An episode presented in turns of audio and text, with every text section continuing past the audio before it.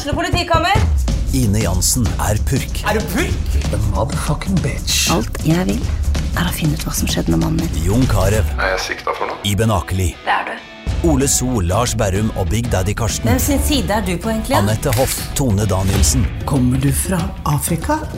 Jørnis Josef, Nesten. Kløfta. Trond Espen Seim, Det er synd å si det, men det var feil mann som døde. Purk. Premiere tirsdag på TV2 Play.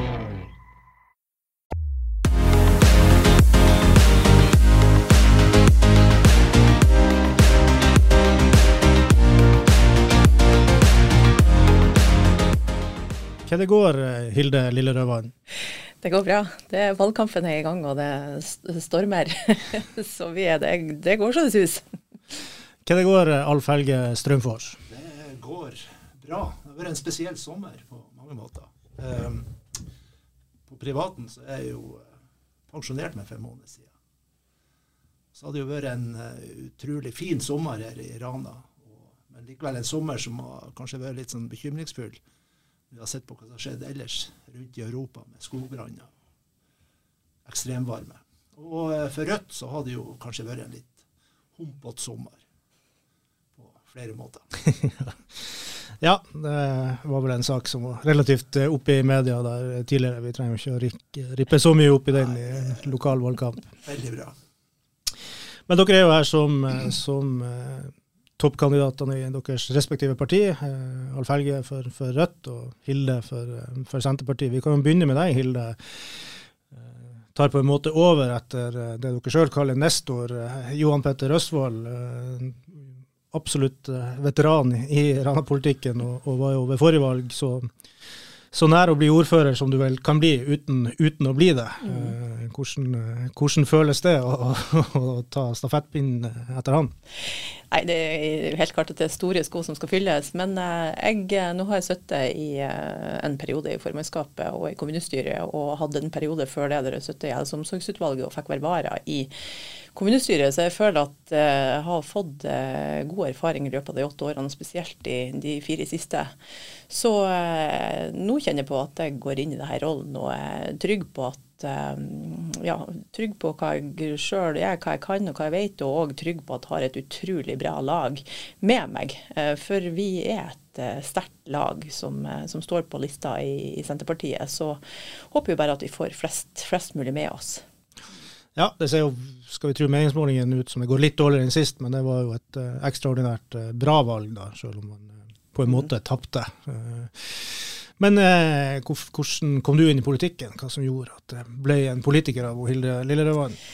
Eh, jeg har jo bestandig vært veldig engasjert, eh, men kanskje vært litt mer sånn sofaengasjert og irritert meg over ting. Og det var jo han eh, Johan Petter som inviterte meg med inn i politikken, og gikk nå kanskje litt sånn motvillig inn for, for åtte år siden. Litt mye fordi at jeg kanskje ikke vet helt hva det, hva det innebærer. Men jeg har bestandig vært engasjert i helse- og omsorgsfeltet, og da spesielt fysisk og psykisk helse. Eh, og det å komme inn og, og jobbe politisk og få, få en forståelse av hva man kan gjøre, og hvordan man kan være med å påvirke, jo, ga jo mersmak. Så eh, det har, engasjementet har vokst òg i takt med det, det politiske arbeidet jeg har vært med i. Eh, og hva gjør du når du ikke er politiker? Nei, da er jeg altså mamma til en eh, fireåring som er kjempeaktiv, og det tar jo mye tid. Eh, I tillegg så jobber jeg på driver karriere som jobbeleder, og så driver jeg et uh, treningsstudio med fire andre damer, som har gjort det i elleve år nå, faktisk. Og så er jeg litt frivillig og kjører besøksvennkurs både Røde Kors og, og Frivilligsentralen, så har litt å styre med. Ja, du sliter ikke med å fylle noe fritid, du. Det, Nei. Eh, Alf Helge, da. Hvordan, eh, hvorfor ble du politiker? Ja, si det. Jeg eh, kom vel inn i politikken i 2015, eh, rett og slett fordi at jeg etter valget til min store overraskelse sto på 28.-plass på rødlista og ble kumulert opp sånn at jeg ble plutselig vara til kommunestyret og kom inn i oppvekst- og kulturutvalget. Og da meldte vi jo inn i Rødt. Jeg var ikke medlem før. Så eh, jeg gjorde jo det. Så jeg er altså ikke sånn gammel AKP, sjøl om jeg nok bestandig har vært ganske mye ut på venstresida. Jeg har nok bestandig vært mest opptatt av ting som antirasisme og ja, flyktningeproblematikk, kan du si. Jeg jobba i Norske Flyktningeråd i fire år 80-tallet som norsklærer. Og jeg har også vært og jobba frivillig i flyktningleir på den greske øya Kios. Men det er klart at man får ikke gjort så mye med sånne ting i kommunestyret, men jeg syns likevel det er veldig interessant. Ja, øh, og vært lærer? Ja, jeg har vært engelsk- og spansklærer hovedsakelig i 45 år. Jeg ikke vært spansklærer så lenge, men jeg har faktisk vært det òg i 20 år, så det begynner å bli en stund. Nå, men nå er, det, nå er, det, slutt. Slutt på det. Ja. Får du god tid til å drive politikk? Ja, det, det er jo håp, men det er sannelig ikke så sikker. Nei, det er jo det sånn med pensjonister at de skjønner jo ikke hvordan de hadde tid til å jobbe. Det er Nei, ofte sånn det, sånn det, blir. Jeg lurer på om vi må ha det litt nærmere mikken, Alf Helge. Okay. Så jeg tror det kan, kan hjelpe på. Um, forrige valg ble jo en, en rysere, som vi var uh, inne på. Det var jo veldig, veldig jevnt mellom to, uh, to blokker. Uh, I stor grad skilt av skolesaken, er vel ikke feil å, å, å si. Uh, og man har jo vært delt på midten i store deler av, av tida. Uh, opposisjonen har jo vært veldig samla. Uh, dere har jo, i hvert fall i, i budsjettsammenheng, stort sett stått, stått, sammen. Hvordan, hvordan, har det vært å drive politikk i de her, i de her årene? Ja, jeg vil jo si at skolestruktursaken har prega denne perioden veldig, både på godt og ondt, egentlig. Eh, på godt vil jeg jo si at eh, fordi at vi i opposisjonen har vært så samla. Fordi at det var mange av de som kom inn i kommunestyret som har vært aktive i den såkalte skolelista. Så at du hadde på en måte en relasjon og en eh, Altså man var vant til å samarbeide med folk som man ellers kunne være ganske sånn her uh, uenig i.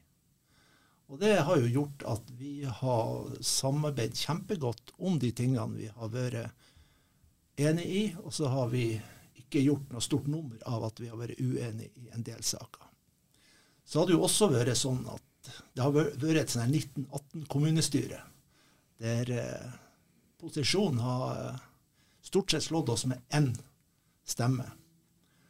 Og eh, i hvert fall inntil nå helt til slutten vil jeg si, så hadde det vært veldig sånn her lite vilje Susnovida til å være imøtekommende overfor våre forslag og våre forsøk på å komme fram til sånn omforente løsninger. Så, og det tror jeg også har hatt med den der eh, litt sånn uforsonlige eh, stemninga som ble under skolestrukturdebatten. Det er mitt inntrykk. Mm. Hilde? Ja, jeg eh, deler det inntrykket i forhold til det, det, samarbeidet som vi har hatt i opposisjonen. For det syns jeg har vært veldig bra. Vi har jo vært jeg håper å si, fra Rødt til Frp, som egentlig står veldig langt fra hverandre politisk sett. Men vi hadde en veldig god tone og god takhøyde i forhold til det å kunne være uenige og hatt gode diskusjoner og vært enige om at det er ikke alt man blir, blir enige om. Um, Syns òg det har vært frustrerende i perioder og utfordrende òg med tanke på at vi, vi sitter uh, sett med en 18-19-fordeling i kommunestyret. Eh, og òg så opplever vi jo at det uh, jeg syns det har vært lite rom for det å drive politikk, altså gode diskusjoner i kommunestyret. Eh, fordi at uh, det har vært litt, hva skal jeg si, litt, litt harde fronter, og det har nok kanskje fulgt oss. men jeg savner det å kunne diskutere mer politikk. For inni andre saker òg så har det veldig ofte blitt sånn at enten så er du med oss, eller så er du mot oss. Og så har vi ikke fått de gode politiske diskusjonene. Og det, det savner litt, og det håper jeg vi kan dra med inn i, i kommunestyret fremover. Det at man eh, på tvers av grupperinger, opposisjon og opposisjon, klarer å finne gode løsninger. For jeg tenker at vi, vi vil jo alle det samme, egentlig, det beste for Rana. Og jeg savner at vi på en mye bedre måte kan klare å diskutere sakene godt og komme til omforente løsninger. For det er en del gode forslag som har blitt eh, stemt eh, ned. Um, så det, det, er det jeg tar med meg videre inn i ønsket for, for arbeidet de neste fire årene. At vi skal bli bedre til å snakke i lag og få mye bedre løsninger til. Alf Helge, det så ut som du hadde lyst til å supplere? Ja, det er jo et godt poeng, og Hilde er inne på det. Altså, et par-tre av de eh, forslagene fra opposisjonen har jo etter hvert på elegant vis dukka opp i eh, posisjonsdrakt. eh, så det er noe, noe den tingen. Jeg tror at hvis noen har For det er jo inne på det her med at det diskuteres lite politikk. Jeg tror at hvis eh, noen som har kommet uforberedt inn og skulle ha vært tilhører til et kommunestyremøte, vil egentlig ha vært overraska over hvor lite politikk som diskuteres der. Fordi at det meste er avgjort på forhånd. Det er avgjort i gruppemøte, det er avgjort i formøte, og vi vet egentlig ikke så blir eh, utfallet når en sak skal stemmes over. Ja, eh, nok om det som, eh, som har vært. Eh, hva tror du om perioden som kommer? da? Blir det like steile fronter, eller eh, kommer dere som har vært en opposisjon, vil dere være like tett nå som man liksom ikke har skolesaken som, som inngangen? Jeg tenker jo at det gode samarbeidet som vi har hatt, vil jeg ta med meg. Eh, og jeg tenker òg at det er et mål for resten av kommunestyret. For jeg, eh, jeg mener virkelig det at skal vi klare å, å utvikle Rana i god retning, så er vi nødt til å snakke, snakke mye bedre i lag. Så jeg tenker at for, for meg personlig og for, for, gruppa i Senterpartiet, så tenker jeg at er et mål det at vi skal kunne klare å få til en bedre dialog og et bedre samarbeid. Men det krever jo at alle er på samme kanal. Er du på samme kanal, Alf Helge? Ja, jeg, jeg, er jo det. Altså, jeg, jeg, ser ikke for meg at det kommer til å bli spesielt mye vanskeligere å samarbeide om som jeg sier, de sakene vi er enige om i opposisjon. Uh, vi har jo hatt et nært og godt samarbeid med kanskje særlig uh, Senterpartiet, men også han, Mats fra Venstre. Men det som blir utfordringa, er jo å få til en, uh, bedre, et bedre samarbeid på tvers av det her opposisjonsposisjonsaksen. Det, det, det, er jo det jeg ser for meg. Og, og hvordan det blir i neste valgperiode, er vanskelig å si. altså. Det kommer jo veldig an på resultatet, selvfølgelig. Det er velgerne, velgerne som bestemmer. Ja, heldigvis. heldigvis. mm. Ja, en um, ting jeg festa meg med Helge i Rødts program, eller i hvert fall den versjonen som jeg fikk tilsendt, tilsendt, der det står litt om konsensus. Det står eh, Rana er en kommune som er prega av konsensus mellom politisk posisjon, kommunal administrasjon, næringslivsledere og deler av media, der det koster å ha alternative meninger og løsninger. Eh, avstanden til innflytelse og beslutninger ser ut til å øke proporsjonalt med avstanden til rådhuset, og Rødt ønsker å være en motvekt eh, til dette. Eh, hva legger man i det her? Det her høres faktisk ut som noe jeg kunne ha skrevet. Du kan ikke ha skrevet. ja, nei eh, det er helt klart at eh, Og uh, det her blir jeg sikkert hengt for, men uh, det er helt klart at vi i posisjon har I opposisjon, mener jeg, har vi oppfatter rådmannen som en del av posisjonen til tider. Som ofte er politiker. Og i, særlig i denne skolestrukturdebatten så oppfatta vi jo Rana Blad òg som en del av den sida. Vi oppfatta Rana Blad som veldig lite gravende. Det eneste de grov i, det var han, et eller annet som han Johan Petter hadde, ikke hadde dekning for en gang. Og uh, vi oppfatta det sånn at eh, posisjonen sine synspunkter der var ble veldig sånn kjørt fram hos Rana Blad. Litt mer alternativt hos Rana nå. Og uh, akkurat det håper vi jo vi eh, kanskje ikke blir sånn. Eh, I 2015 så eh, sa daværende sjefredaktør i Rana Blad, som ikke er nå lenger, at Rødt var, var, irrelevant. Men det faktum at vi er her nå, at jeg er her nå i dag, kan jo tyde på at kanskje Rana Blad har tenkt å kjøre en mer sånn her åpen linje her. Og så er det vel altså Jeg tror det her er med, så, med proporsjon propo, det, proporsjonalt fra, fra, fra rådhuset. Altså. Det handler litt om det her eh, sentrum, utkantproblematikken, som Senterpartiet er ganske eh, opptatt av. Eh, forståelig nok.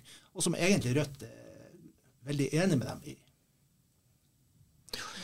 Eh, nå er ikke rådmannen selvfølgelig her til å, til å, forsvare seg. Han vil nok ha sagt at det er politikerne som bestemmer, og ja. han som, eh, som, utfører. Og formelt så, så er det noe sånt. Jeg tror han har hørt det før. eh, ja, og når det gjelder media, så får vel, får vel andre ta seg av det. Men eh, jeg har vel ikke Som en av dem som i stor grad har dekket forrige periode, så har jeg ikke så dårlig samvittighet for, eh, for noe der. Jeg syns opposisjonen har kommet eh, godt til orde. Og så er det for, forskjell på lederartikler og, og Da kommer dere. Da kommer dere. det er bra vi kan forbedre oss, da. Ja, en av de tingene som har vært en del diskutert i, i de årene som har gått. Eh, Rana kommune er en kommune som går godt. Eh, snakker kanskje ikke om overskudd, da, men man bruker noe mindre penger enn man får inn og, og får satt av på, på fond. Eh, dere er vel blant de som, som, utfordrer den tankegangen? Ja, i høyeste grad. Uh, vi har jo uh, i alle de årene som vi har sittet nå, eller de fire siste årene spesielt, uh, prøvd å sette søkelys på det at Rana kommune går med et større overskudd, eller et større minneforbruk, enn det som er budsjettert med, og støtter av veldig mye til fond. Uh, og så ser vi òg at vi har nedskjært over hele linja. Det har vært alt fra skole til helse og omsorg. Uh, og vi synes at det, det kuttes for mye, det settes for mye over i fond. Det kunne vært brukt mer penger på drift. Uh, og så er det òg noe hva den, de pengene som har blitt satt på fond, har blitt brukt til. Um, hvis du tar et eksempel på Storforskjellsskolen, som nå kanskje er det, det, største eksempelet på kommunalt forfall av bygninger. Uh, det ble lite brukt penger på, på, det, og så har man bygd parker i byen istedenfor. Så litt sånn hvis kjøleskapet er ødelagt hjemme, så bygde du et basseng, basseng i hagen. Uh, så, og samme òg nå, at vi har søttet så mye penger over på fond, og så kommer det her vedtaket om å bygge dypvannskai. Jeg tenker at kommunens primæroppgave er å holde på med kommunale lovpålagte oppgaver. Eh, og vi skal legge til rette for næringslivet, men vi skal ikke være en næringsutvikler. Så når vi bruker 476 millioner av disposisjonsfondet og penger som er satt av fra, fra det overskuddet som har vært hvert år, så tenker jeg at da, da gjør vi ikke jobben vår ordentlig som, som, kommune. og da, Vi skulle heller ha brukt mer penger på drift, eller at vi har brukt eh, de pengene på disposisjonsfondet på lovpålagte oppgaver. Eh, pusse opp skole, eh, legge til rette for eh, boligbygging for f.eks. omsorgsboliger eller for, for bostedsløse eller sykehjemsplasser. Så vi kunne med gode muligheter brukt mer penger på kommunal drift. Tanker rundt det, Alf Ja, eh, altså Rødt vi har jo sett på eh, alle budsjett og kommuneregnskap siden 2011, tror jeg det var. Og jo, alle årene, bortsett fra ett år, så har jo blitt et mye større mindreforbruk. Det er for øvrig et fantastisk uttrykk. Større mindreforbruk. Altså, hvorfor kan vi ikke si overskudd? Men OK, da. Større mindreforbruk eh, enn eh, man har budsjettert med. Og det er jo en eh, praksis som stort sett får eh, veldig mye åtgaum, som det heter, fra eh, de store partiene. At det er en veldig bra måte å drive politikk på. Men vi er jo ikke ubetinget enig. For at det du får da som resultat, det er jo at eh, kommunen driver fryktelig sånn trangt. Og det fører med seg nedskjæringer, og det fører med seg eh, innstramminger. Og det er jo ikke nødvendigvis lurt av en kommune som skal tiltrekke seg eh, unge folk som har lyst til å flytte hit nedskjæringer kan ikke jeg forstå er noe veldig godt sånn uh, god greie for å, å, å skape såkalt bolyst. Nei, men nå har man jo den her såkalte CUB-modellen, altså kommunaløkonomisk bærekraft. Eh, og når man får mer gjeld, så må man gjerne øke disposisjonsfondet for å ha mer eh, mulighet, altså egenkapital. Uh, og nå er man jo i ferd med å gjøre store investeringer, og Hilde var inne på, på, på noen av dem. Uh, da tømmes disposisjonsfondet, og man får, uh, man får en større gjeldsgrad. er man ikke da avhengig av at man klarer å, å sette av mer penger til, til fond og egenkapital? Vi har jo satt oss sjøl i den situasjonen, eller hvis det er i posisjon å sette oss i den situasjonen. Hun, hvis dere fulgte med på det siste kommunestyremøtet der økonomisjefen hun Utsi i Rana kommune la fram med la fram regnskapet, så tok hun nettopp fram det her med den kommunale økonomisk bærekraftsmodellen. Og I løpet av de fire siste årene så har kommunen gått ifra å være samfunnsutvikler til at vi ikke lenger har politisk handlingsrom. Og jeg tenker at eh, det her skyldes i stor grad at det har gått penger ut til flyplass, og eh, noe spesielt siste med, med dypvannskai. Eh, og jeg tenker at Når vi bruker 476 millioner på ei dypvannskai som ikke er en kommunal oppgave, eh, og i 2026 så er disposisjonsfondet tømt, så selvfølgelig da er vi nødt til å ta inn pengene en plass, og det, det, må gå i drifta. Men jeg mener at det er feil å bruke så mye penger på den dypvannskaia. Jeg tenker at her er det industrien som skulle ha, ha gått inn med penger. Vi har kommet med et alternativt forslag. Men jeg mener at kommunen skal holde på med det kommunen skal holde på med, og det kommunale Eh, det er lovpålagte oppgaver å sørge for at vi tar rede på den kommunale drifta og eh, de kommunale bygningene og infrastruktur. Og Da må vi bruke penger på det. Så det at vi nå skal inn i en eh, budsjettprosess i 2023, nå i november-desember, der vi vet at vi har null handlingsrom investeringsmessig hvis det her dypvannskarvedtaket står, og jeg vet òg at det kommer til nedskjæringer. Det er 450 millioner som går ut av fondet nå. Det er bare penger til flyplassen. Dem har vi ikke lenger rente av. Sant? Så de pengene vil òg bli borte. Eh, så eh, posisjonen har støtta oss i en veldig stram økonomisk situasjon som vi ikke har trengt å vært i. Nei, men sånn som jeg oppfatter deg, da, så du ser behovet for at man må sette av til fond også i årene som kommer, fordi at ja, det må fylles på? selvfølgelig må vi sette av til fond. Det er jo sånn vi kan eh, få penger til investeringer uten at vi må ta opp låneopptak. Men spørsmålet er hvor mye penger skal vi sette av til fond? Jeg mener at vi kunne ha brukt mer på drift. Ja. ja.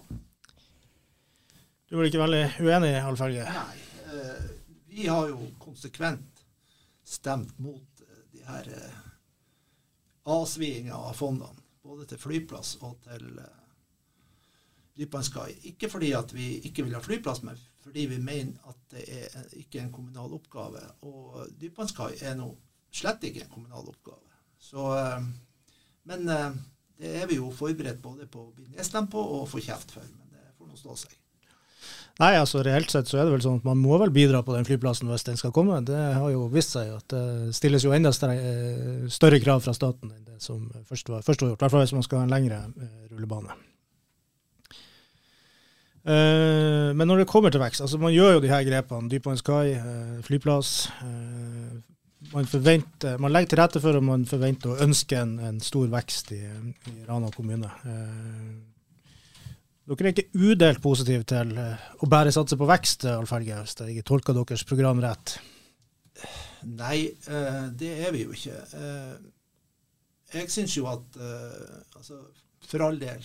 Og som jeg sa til et intervju med E24 her før i sommer, at hvis Freyr kommer med de her ja, 1500 arbeidsplassene, så skal jeg ta med en konjakk. Det er veldig bra. Masse flotte arbeidsplasser til Rana. Men jeg syns jo at man kanskje uh, reflekterer litt lite over uh, problemstillinga vekst. Uh, det har hele tida vært snakk om ja, vi må prøve å bli 30 000 innbyggere i Rana. Det har jo vært et sånt tall. Jeg vet ikke om det tallet blir brukt lenger, men det har nå vært nevnt for så ofte. Men jeg syns jo ingen har egentlig stilt spørsmål hvorfor skal vi bli 30 000? Hva er det vi oppnår ved å bli 30 000? Er det nødvendigvis en sånn her eh, bare positiv greie? Og hvorfor skal det eh, være et mål i seg sjøl? Det har jo kanskje noe med at eh, altså Rødt er jo som kjent et eh, Nå kommer jeg til å si en del stygge ord her. Rødt, Rødt er et antikapitalistisk parti. Vi syns ikke kapitalismen er noe spesielt god idé. Og et av problemene som kapitalismen får med seg, er jo at den må ha vekst, vekst, vekst, vekst for i det hele tatt å fungere.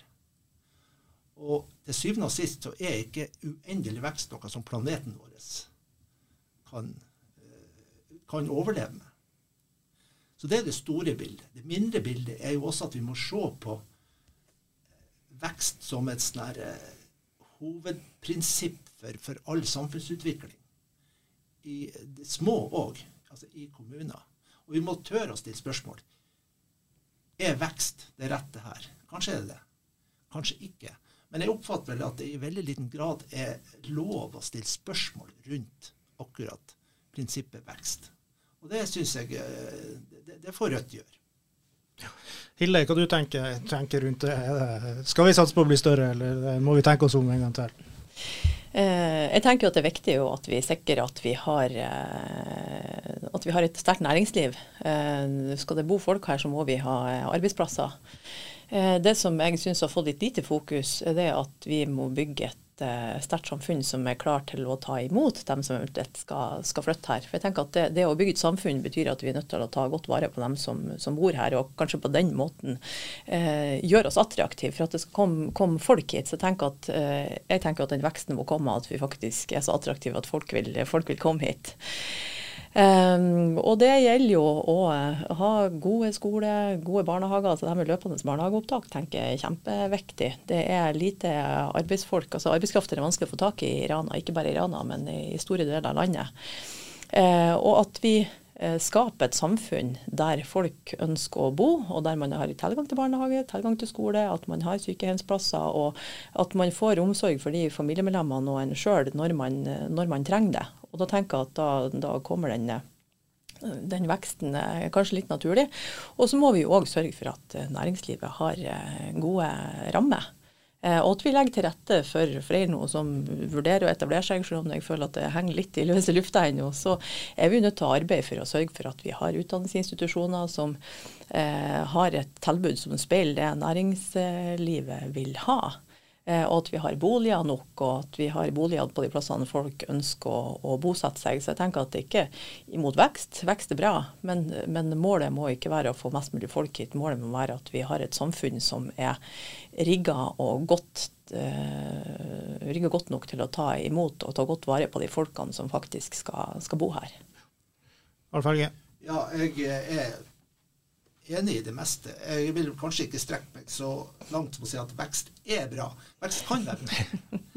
Men vi må vel også være oppmerksom på de eh, utfordringene som vekst eh, medfører. Det er f.eks. ingen samfunn som har gått smertefritt gjennom en periode med stor vekst. Det fører med seg problemer. Det, det vet man hvis man ser på historier, hvis man ser alle andre tilsvarende plasser. Og eh, en sånn voldsom vekst som eh, vi ble forespeila i begynnelsen av denne freirperioden, det er det vel I hvert fall ifølge det her danske eh, konsulentselskapet som var her. De sa de aldri vært borti noe lignende eh, som ble forespeila der. Det, det, var meget uvanlig. Og da må vi òg være klar over at det kan fører med seg en del utfordringer for oss som samfunn. Og eh, da er det jo Men hvis vi skal tiltrekke folk, som hun sier, så er det jo viktig at vi på en måte ikke har skåret oss så ned til beinet på tjenester og uh, sånne ting at uh, folk ikke vil flytte hit og bidra til veksten. Men det er jo ikke noe tvil når jeg jobber mye mot næringslivet i Rana. Det er klart at vi det mangler folk. Uh, uansett hvordan hvilke bedrifter vi snakker med, så, så, mangler de folk nå. Så det er ikke noe tvil om at vi er nødt til å få uh, flere mennesker i arbeidsdyktig alder til å flytte til Rana. Så jeg tenker at det, det jeg føler at det er et sånn umutkjennelig uh, faktum. Så, så, vi er nødt til å, å gjøre de grepene som trengs for å, å tiltrekke oss mennesker og arbeidskraft. Ja. by og land. Eller er det by mot eh, land, Hilde? Det her har jo også vært, eh, altså Sentrum-periferi-diskusjonen den eksisterer jo i Rana òg. Ofte blir trukket frem at det satses mye i sentrum og ikke så mye uh, ute i distriktene. Hva du gjør deg av tanker? Ja. Nei, jeg tenker by og land. Eh, og jeg tenker at grunnen til at vi i Senterpartiet kanskje har eh, blitt oppfatta sånn at vi snakker bare om, om periferien, som du kaller det for, om, om, om bygden, er jo fordi at vi føler at det har blitt oversett. Eh, både i forhold til vedlikehold, i forhold til infrastruktur, skole, barnehager, uansett hva det er for noe. Og da blir vi på en måte stående og rope. Men jeg er veldig opptatt av at byen kan ikke eksistere uten eh, distriktene. Og distriktene kan ikke eksistere uten det tilbudet som finnes i byene. Så jeg ønsker jo at vi skal ha et Rana-samfunn der vi satser like mye på, på um, begge delene. Fordi at byen har utrolig mye flott uh, tilbud med seg, med vitensenteret, og det er uh, teater, og det er masse aktiviteter som skjer. Det ble veldig veldig fin plass å oppholde seg. Men samtidig så ligger jo naturen og en god del av de tingene som vet veldig mange ranværinger setter pris på, ute i distriktene. Og da må vi finne ut hvordan kan vi klare å få det, det beste av, av, begge delene. Og det er òg en av de tingene som jeg ønsker, ønsker, at vi skal jobbe mye med, det er å klare å finne ut hva Å finne balansen. For hvis jeg tar um, her rulleringa av kommuneplanens arealdel som nettopp har skjedd nå. Jeg syns det er veldig sånn beskrivende i forhold til, til forskjellen mellom satsinga på by og land. Um, altså Selve sentrum er jo en egen arealplan. Eh, når den har vært utarbeida nå, så har det vært en sånn kjempefin prosess med at innbyggerne har vært involvert. Det har vært eh, åpne hus i sentrum der de kan komme innom og si hva de mener. Næringslivet har vært invitert inn. Det har vært en kjempegod Eh, og kjempegrundig prosess som denne næringsforeninga har vært involvert i. Så vi hadde rullering av arealdelen, eh, kommuneplanens arealdelen i resten av Rana som ikke er sentrum, der det har gått eh, rett og slett eh, utrolig fort. Eh, der eh, det har vært lite involvering sånn som vi ser det, og prosessen har gått kjempefort. Og folk har kanskje ikke egentlig helt skjønt hva det har innebært eh, banka gjennom på noen måneder, et halvt år. Og jeg synes Det er litt sånn symptomatisk, altså litt beskrivende for, for hvordan, hvordan satser vi på byen og hvordan satser vi på distriktene og bygda. Så jeg har ønska at vi hadde en like grundig prosess når den arealdelen har, har blitt rullert. Så begge delene, takk. Ja. ja. Er du eh, enig i det, Alf Helge? Ja, altså sjøl om eh, vi, altså Rødt, har vårt kjerneområde i Utskarpen når det gjelder jeg trodde det var Senterpartiet som var det kjerneområdet. Ja, ja, altså, Vi krangler om det det er bare Senterpartiet og Rødt i budskapet. Men eh, nei, altså når jeg sitter her i lag med ordførerkandidaten fra Senterpartiet, så jeg har egentlig lyst til å gi henne på en måte. Det her med by og land, det kan hun ta seg av. Men eh, en ting som jeg har lagt merke til litt gjennom sosiale medier, litt forskjellig, at det er ganske mange folk som bor her i byen, som fornøyd med hvordan ting har utvikla seg her i byen.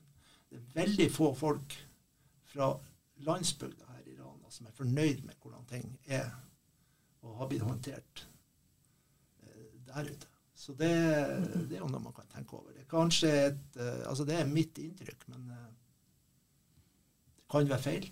Men kanskje ikke. En annen stor eh, sak preger politisk diskusjon over lang tid, og, og, bør vel kanskje gjøre det også i, eh, i, valgkamp og i perioden som kommer, det er jo eh, kraft. Eh, det spås eh, kraftunderskudd, sjøl i, i, overskuddsområdet som, som, vi har tilhørt i, i nord, i hvert fall. Eh, vi har energikommisjonen der MIP-direktør Arve Ulriksen var med, som, som ber om mer av alt, eller litt mer av alt. Altså man må bygge ut mer eh, kraft, i tillegg til å spare. Eh, og vi har jo også eh, nåværende ordfører Geir Våge hadde jo et utspill med de andre ordførerne i de store byene i, i, nord, i, nord, om at man må ha, bygge ut mer kraft, også vindkraft på, på land. trenger vi mer kraft, Alf Helge? Det gjør vi sannsynligvis. Men samtidig er det jo et faktum at vi, kan, vi har veldig mye å spare på å forvalte krafta på annen måte enn vi gjør i dag. Og Det er faktisk bare to dager siden Rødt kom ut med en uh, kraftplan. Jeg holdt på å si kraftpakke, men det var, kraftplan. Som uh, viser at man har et potensial på 59 TWh innen 2030 og 103 TWh innen 2040 ved å eh, ja, f.eks. energieffektivisering, effektivisering, eh, energieffektivisere bygg, industri, oppgradere vannkraft. Eh, og ja, øke fjernvarmeproduksjon osv. Samtidig så er det jo sånn at og Da er vi tilbake til veksten. Vi kan ikke bare fortsette å bruke mer og mer og mer kraft nødvendigvis. Vi er også nødt til å se hva vi bruker krafta til. Vi er nødt til å prioritere. Vi kan f.eks. ikke bruke masse kraft på sånn tøvete datasenter som eh, kommunen var klept snor på her i 2018. Ja da, verden har vel endra seg litt siden da. Jeg tror ikke det finnes så mange som er store tilhengere av eh, i hvert fall en viss type datasenter. Nei, det er jo håp, men likevel så er det jo et faktum at eh, ja, altså vi er nødt til å foreta noen sånne her, eh, prioriteringer rett og slett for bruk av kraft. At uh, krafta skal først og fremst brukes til de hjørnesteinsbedriftene samfunn, som samfunnene er avhengige av. Og vi må også ta kontrollen over krafta fra markedet, mener Rødt. Sånn at uh, f.eks. For både forbrukere og uh, næringsliv kan få kjøpt krafta til forutsigbare priser. Men hvis det blir lave priser, vil ikke det bare bety at da brukes det mer? Igjen ser vi jo på det her med at vi må se hva vi bruker krafta til. Det er jo ikke sånn at uh, massevis av kraft brukes nødvendigvis Masse mer kraft brukes av uh, privatkunder. Så uh, vi må jo altså det, det, går jo inn i et større bilde der vi rett og slett må ha mer oversikt og klare prioriteringer og kontroll over hva krafta brukes til. Hilde, mm. trenger vi mer kraft? Ja, det gjør vi jo eh, sannsynligvis. eh, jeg er jo enig med Alf i at vi er nødt til å se litt på hva vi prioriterer krafta til. Eh, vi har nettopp en sak oppe i Hadsel der de, de, har problemer med å få tak i nok kraft. Der et datasenter ønsker å, å, å starte. Og der jeg vet ikke om det er statsforvalteren eller departementet som nå har sagt at det her kan, trengs ikke å defineres som industri. Og jeg tenker at Den diskusjonen er kjempeviktig å, å ta i forhold til hva vi skal bruke krafta på. Eh, men samtidig så, så, legger vi som en forutsetning at vi prøver å oppgradere de eksisterende vannkraftverkene som er. Vi har jo òg en flimmerproblematikk i Rana, der vi taper utrolig mye kraft. Og der diskusjonene har gått i jeg tror i flere trier på hvem er det som skal ta regninga. Så jeg tenker at jeg føler at det, det mangler en del vilje òg til, å, til å, å få det til. Eh, og òg når vi snakker om, eh, snakker om, vindkraft. Eh, jeg tenkte ikke jeg skulle snakke om Melkøy i dag, men jeg skal si noe om det likevel. Men det å, det å skal elektrifisere et gasskraftverk. Altså om gassen brennes i Norge på Melkøya, vi sender den sør, lenger sørover i Europa og den brennes der, så uh, CO2-utslippene er det samme. Det er å pynte på statistikk.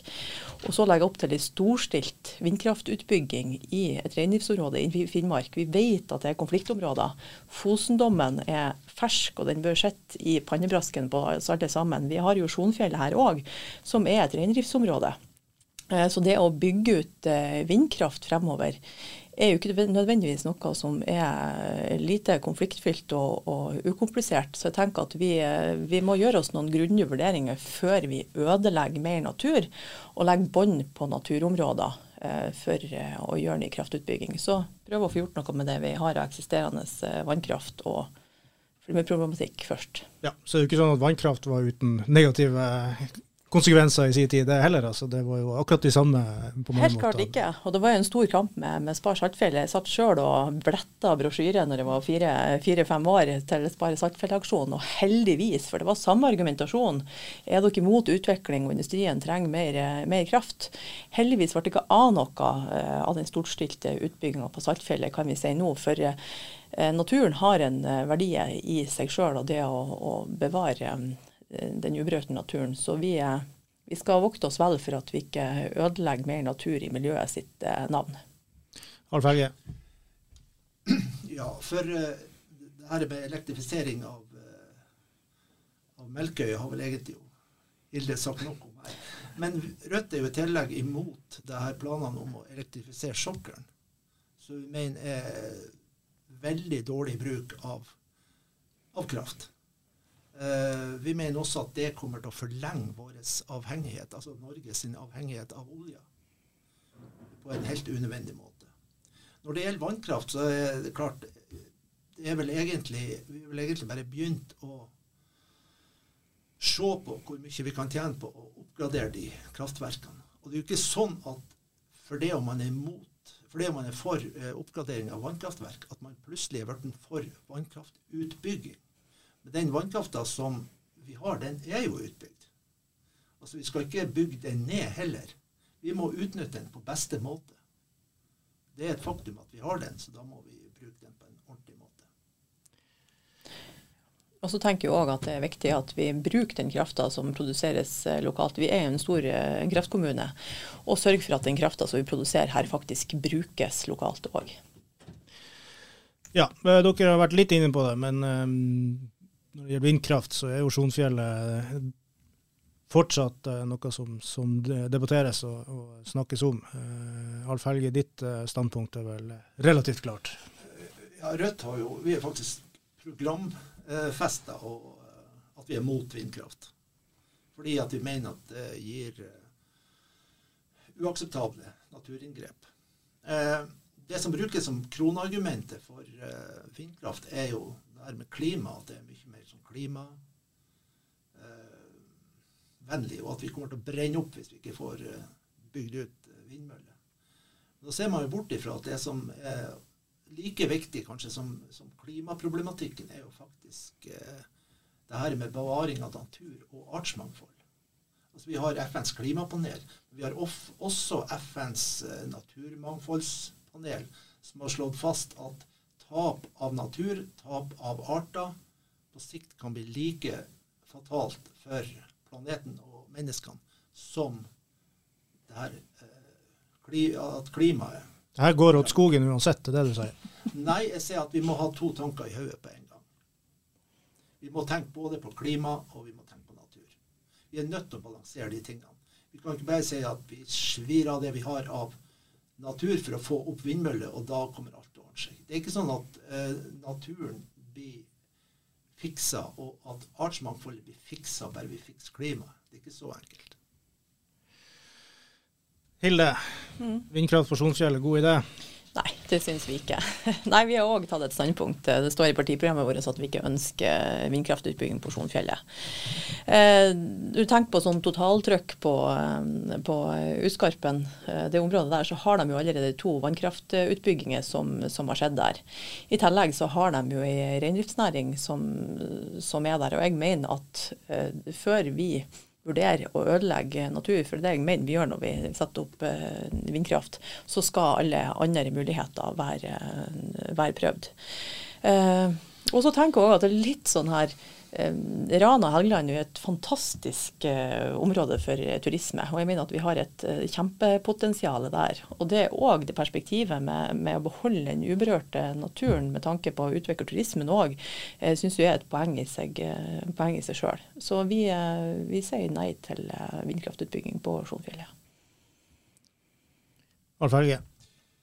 Ja, det er jo en, det er en veldig grei sak. å Faktisk er det jo sånn at Rana kommune har jo allerede et vedtak fra 2013, tror jeg, mm. der kommunen går mot vindkraft på, eh, på Skjonfjellet. Så er det jo sånn at eh, man har nå vedtatt at man skal, eller man vil vedta å gå inn for konsekvensutredning. Men da er det jo sånn at konsekvensutredning høres jo i utgangspunktet sånn ufarlig ut. Men det betyr jo at man samtidig sier fra seg den retten man har til å gå imot eh, vindkraft. Hvis, eh, utbygging der, hvis man gjør det. Ja, er det riktig? Har ikke ordfører Geir Våge sagt at uh, man kan si nei? Selvfølgelig kan man si nei, mener han sa. Ja vel. Jo, det kan man selvfølgelig i ettertid. Det har han jo helt rett i. Uh, han, uh, Geir Våge er ingen dumrian. Men det når man sier ja til konsekvensutredning, for å ikke få utbygging, så er man i etterkant nødt til å foreta et nytt vedtak. Ja. Øh, jeg har utfordra dere på om man nå er for vekst eller ikke. Man vil vel ha unge folk, i hvert fall. Hilde var jo inne på hvorfor man, man trenger, trenger, dem. Så jeg har utfordra dere på å komme med tre grep som kan gjøres for å få unge til å trives i Rana. Skal vi begynne med deg, Hilde? Ja, nå lurer jeg litt på hva du definerer med ung. Jeg føler at du fremdeles er ung, jeg er 47 da. helt enig. Ja, nei, jeg, jeg, tenker, jeg, tenker, på ungdom, eh, kanskje, å få dem til å, å bli her. Um, vi har jo hatt et ønske lenge om å få ungdomsrådet jeg si, sterkere inn i Rana. Jeg tenker at dem som vet hva ungdommen vil ha, det er faktisk ungdommen sjøl. Og jeg er 47 år, så jeg har egentlig ikke peiling. men, men et, et, ungdomsråd som er mer involvert, og som har muligheten til å kunne komme mer med, med innspill og hjelpe oss politikerne i kommunestyret til å, til å gjøre smarte vedtak som gjør gjør at eh, ungdommen har lyst til å være her. Eh, kollektivtilbudet er jo òg en ting som har vært diskutert eh, mye, som har stått om i avisa. Altså det å komme seg fra A til B hvis du er under 18. Eh, kjempeviktig å ha et godt eh, kollektivtilbud, så ungdommen som er i bygda kommer seg inn til byen, og de som er i byen vil komme seg ut til, til distriktene. Um, og det òg å, å, ha gode nok fritidstilbud eh, som er tilgjengelig, og, og så ha en variasjon. For det er jo ikke alle ungdommer som syns at eh, det er kult å spille fotball eller være på friidrettsbanen. Eh, men å ha et mangfoldt innenfor kultur og musikk og hva enn ungdommen eh, liker å gjøre. Og det er egentlig bare dem som kan eh, fortelle oss. og ja, og det er òg en siste ting. Men det å òg ha eh, bredt nok bred nok variasjon i de, de utdanningene som tilbys her, at uh, ungdommen slipper å flytte utenbys på, på, hybel. For jeg er opptatt av at vi skal klare å beholde dem her, at de kanskje blir hele livet og etablerer seg og, og får familie, og at vi har barnehageplass å tilby dem når de kommer så langt. Nei, men Da har vi fiksa det. Da får vi de unge til å, til å bli. har du flere gode ideer, Alf Helge? Jeg har faktisk mye av det samme. Eh, jeg har tenkt over det her i formiddag. så Dette er jo egentlig ikke noe sånn quick fix som vi kan få men eh, jeg fant ut at tre områder det var kultur, og det var utdanning, og det var infrastruktur. Og eh, akkurat når det gjelder infrastruktur, så det har faktisk eh, Altså, du snakka med jeg var, min, siste reis som eh, muntlig sensor i vår eh, i engelsk. Og da var det spørsmålet sånn her Hva kunne denne kommunen ha gjort bedre for å få ungdom til å trives her? Det var ikke Rana, men det var en annen, en herværende kystkommune. Og da sa alle sammen det, går ikke busser her. Og da begynte jeg å tenke på at det samme er jo faktisk eh, tilfellet i Rana. Altså eh, det her eh, busstilbudet f.eks. utover forbi Straumen Utskarpen, som jeg er fra, er mye dårligere enn når jeg var 18 og skulle på fest i byen. Da hadde vi mulighet til både å komme oss på fest og ifra fest. Det tror, jeg, det tror jeg eksisterer lenger. Og faktisk, når du prater med ungdommer, så er de opptatt av det her. At det, jeg husker jeg spurte noen Hadde ikke vært stas med sånn her eh, gratistilbud på, på, bussen? sånn at man kunne. Og da var svaret Hva slags buss da? Det går jo ikke busser. Det går ikke busser i helgen. Så akkurat der det tror jeg faktisk, altså, Det er kanskje noe som vi som er voksne og gamle og har bil, ikke tenker mm. over. Men det her er viktig for, for ungdom. Det er klart utdannelse. At vi får flere studietilbud på campus. At uh, kommunen har en det er vel proaktiv, det heter, proaktiv rolle i forhold til, uh, til campus. Og uh, er pådrivere på å få, få tilbud der. dessverre så er jo mange sånne studieretninger på videregående skør ned, særlig sånne estetiske studieretninger. Men det er jo fylkeskommunen som styrer med, så det, jeg vet ikke hvor mye Rana kan gjøre tenker også på, altså Rana er en fantastisk kulturkommune. Det er så mye bra kulturtilbud der. Men når jeg benytter meg av de uh, kulturtilbudene, så ser jeg jo mye folk på min egen alder og nedover til Hilde og litt forbi der. Uh, det er kanskje ikke så mye kultur for ungdom som ungdom kan synes er knall å benytte seg av. Så det, det å få vinkla kulturtilbudet over på ungdom har kanskje vært en god idé. Litt beslekta, når har vi et kulturhus i Mo i Rana, da? blir når han Allan Johansen får flertall. Ja. Nei, men det jeg har hørt av deg, Alf Helge, det er mer festing. Det er det vi trenger for.